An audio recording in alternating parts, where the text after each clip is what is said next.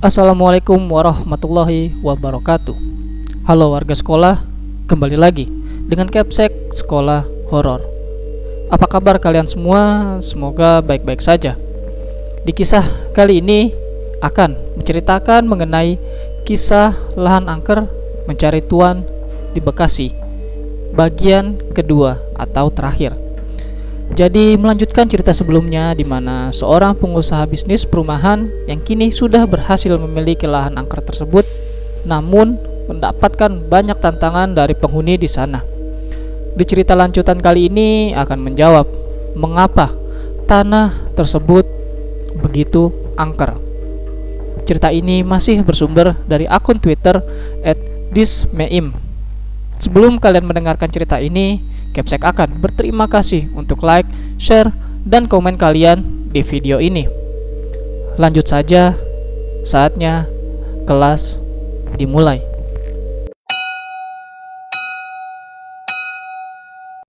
Esok harinya, Mang Aep, tukang bangunan yang sudah puluhan tahun kerja sama bapak gua dan akhirnya gua, membawa gergaji mesin untuk merubuhkan salah satu pohon. Pohonnya paling dekat dengan pagar. Gue ceritain ke Mang Aep kalau semua pohon berpenghuni. Hati-hati, Mang, kata gua. Mang Aep cuma bilang kalau dia takutnya sama Tuhan. Gua awalnya agak lega dengan perkataan Mang Aep, apalagi Mang Aep sholatnya rajin, nggak kayak gua.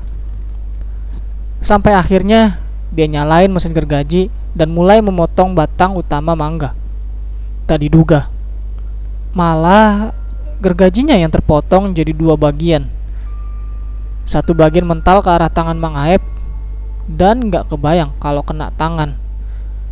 Sementara gergaji yang dekat mesinnya jatuh ke kaki. Gue histeris karena seumur-umur Mang Aep motong pohon, baru kali ini kejadian yang gak lazim dan hampir merenggut nyawanya. Gergaji itu langsung rusak parah. Dan anehnya, batang pohon itu sama sekali nggak ada yang terkelupas. Mulus kayak pohon yang belum diapa-apain. Padahal sempat terkena gergaji sedikit. Gue bener-bener gak habis pikir di sini. Senin, gue mendatangi Pak RT dan beritahu insiden tersebut. Pak RT cuma manggut-manggut. Saya juga nggak kaget Mas J. Saya kaget justru kalau pohon itu bisa ditebang. Tapi ternyata nggak bisa. Dan saya juga udah kasih tahu dari awal penunggu di sini tuh nggak sembarangan. Kata beliau. Coba minta izin. Malam Jumat, jam 12 malam, bawa beberapa benda. Bunga kuburan kemenyan jumlah 3 biji, air mawar, kopi hitam pahit, ayam cemani yang sudah dipotong dan ditampung darahnya. Ayam cemaninya biarin dalam keadaan bangkai, sedangkan darah ayam cemani ditaruh di mangkuk tanah liat. Begitu saran dari Pak RT. Taruh semuanya di atas tampah, dekatkan di sumur. Ingat, jangan ngeliat ke dalam sumur. Bersimpuh depan sumur, pejamkan mata, dan ucapkan mantra ini. Kemudian dia pun menyebutkan mantra. Tapi nggak mau gue cerita karena takut disalahgunakan sama orang lain. Ingat, apa yang terjadi jangan buka mata ya. Sampai benar-benar azan subuh. Tambah PRT lagi. Kalau saya nggak ngelakuin, gimana pak? Tanya gua. Ya nggak masalah tapi tanah itu terbelangkai begitu saja, sama persis dengan pemilik-pemilik sebelumnya. Ucap Pak RT. Sia-sia duit gua keluarin dong kalau begitu. Gua dilema pada saat itu. Namun akhirnya gue coba nyanggupin syarat dari Pak RT. Itu pula yang dilakukan untuk menghentikan kematian misterius kerabatnya gara-gara nantangin penghuni tersebut. Tapi kan gue di sini nggak nantangin, sama aja kata Pak RT ya udah gue ikutin. Kamis malam Jumat jam 22 lewat 30 WIB suasana tempat itu udah bener-bener suram banget.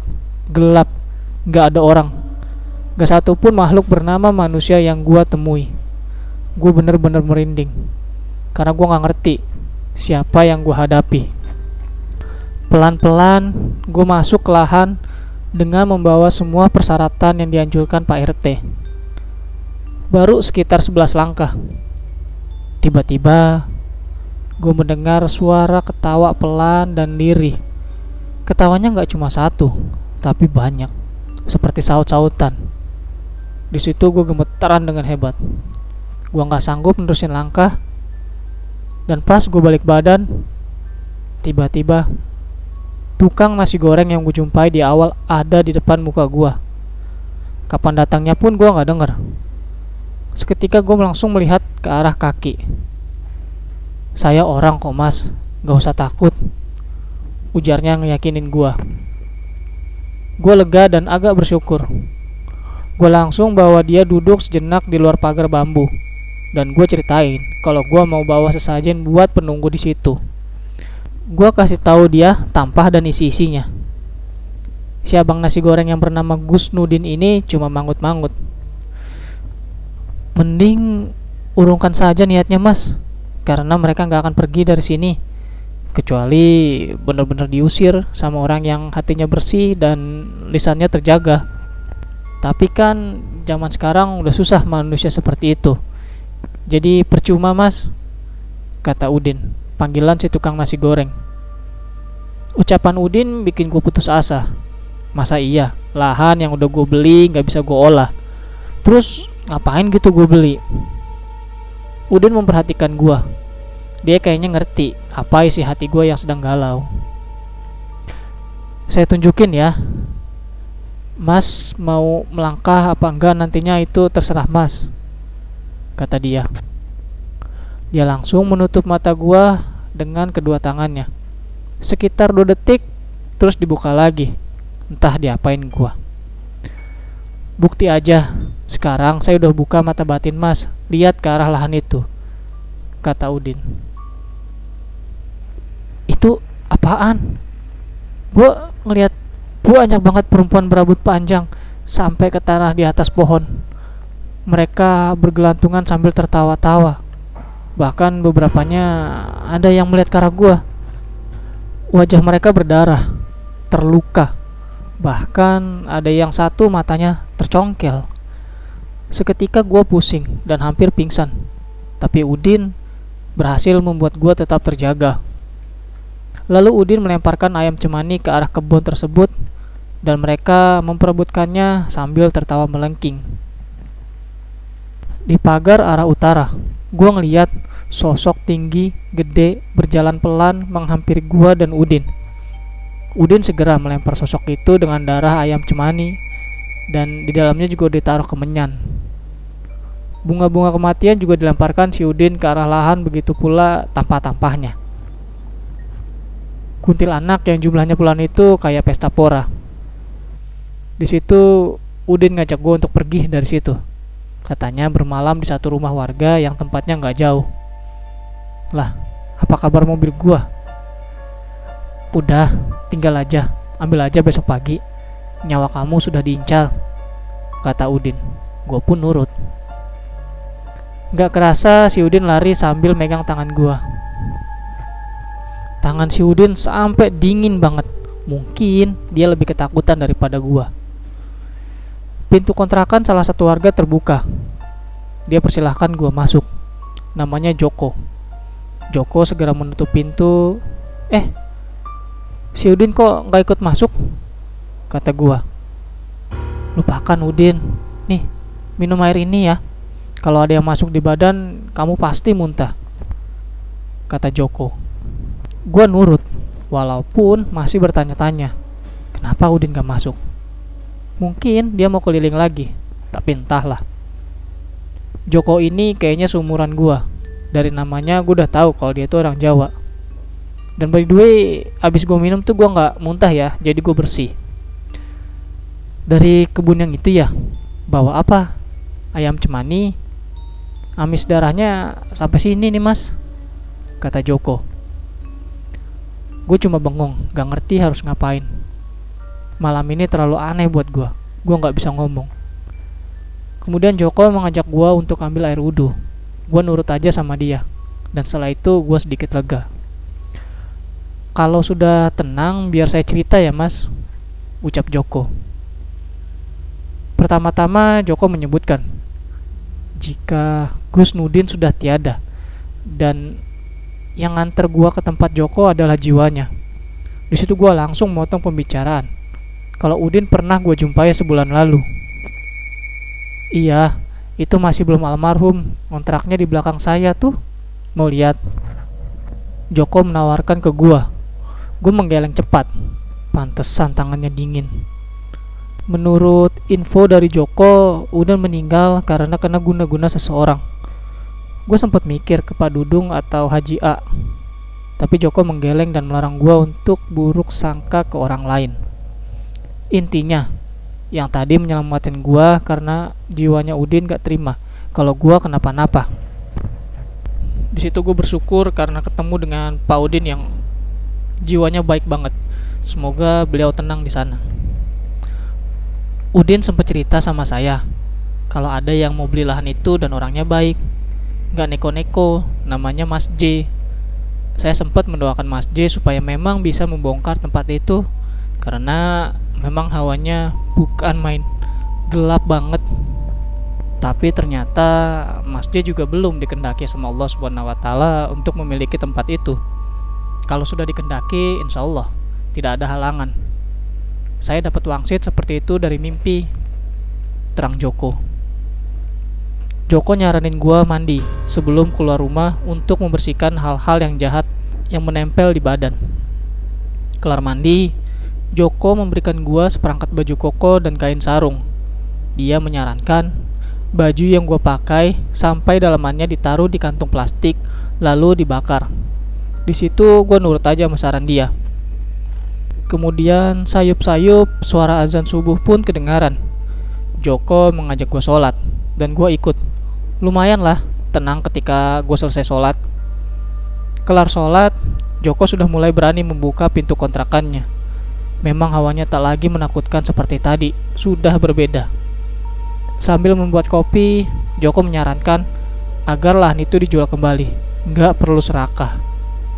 Lahan itu memang sedang menunggu pembeli aslinya yang bisa membebaskan jiwa-jiwa orang yang ada di dalamnya. Itu bukan sembarang lahan. Siapa orangnya juga sudah disiapkan oleh Tuhan. Tapi bukan Mas. Jual lagi saja. Semoga yang membeli selanjutnya adalah pilihan Allah untuk selamatan jiwa-jiwa itu. Kata Joko. Gue penasaran. Kenapa Joko ngerti sampai sebegitunya sementara dia warga pendatang. Joko mengaku terbiasa berkomunikasi dengan mereka yang tak kasat mata. Jiwa-jiwa di lahan tersebut merupakan tumbal seorang dukun sakti yang tinggal di rumah rusak yang ada di dalam lahan perkebunan. Dan bisa ditebak, kuburan itu merupakan kuburan si dukun. Sementara dukun mengoleksi tumbalnya di dalam sumur. Karenanya, tempat itu memang penuh dengan warga astral. Gak ada untungnya memaksakan diri, kecuali Mas memang ingin membangun tempat yang digunakan sebagai sarana ibadah. Mewakafkan tanah itu untuk umat, beda lagi ceritanya. Arwah-arwah itu juga ingin selamat lewat doa orang-orang soleh, Mas. Cerita Joko. Gua pun merenungkan kata-kata Joko. Akhirnya, gue memutuskan untuk menjual tanah itu aja tepat pada November 2000-an. Banyak orang yang nanya, kenapa nggak diwakafin? Gue realistis aja, duit buat beli lahan cukup lumayan kalau gue putar kembali untuk bisnis gue. Beli-beli lahan 1000 meter persegi masih kejangkau lah. Toh hasil penjualan 2,5 persennya nggak pernah absen gue sedekahin. Namun hingga kini, pelang papan tanah dijual di depan pagar bambu selalu menghilang, dipasang lagi, menghilang lagi entah mengapa. Kalau ada kata yang kurang berkenan atau feelnya kurang dapat, gue minta maaf. Sekian, sampai jumpa selanjutnya.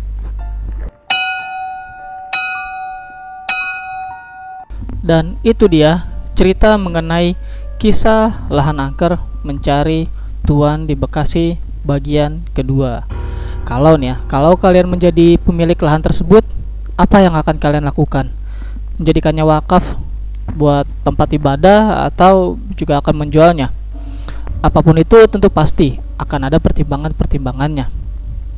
Terima kasih buat kalian warga sekolah yang telah mendengarkan cerita ini dan terima kasih juga kepada akun Twitter @dismeim yang telah memberikan kami izin untuk membacakan cerita ini. Jangan lupa like dan share video ini agar warga sekolah horor semakin bertambah. Dan sampai jumpa di kelas berikutnya. Assalamualaikum warahmatullahi wabarakatuh.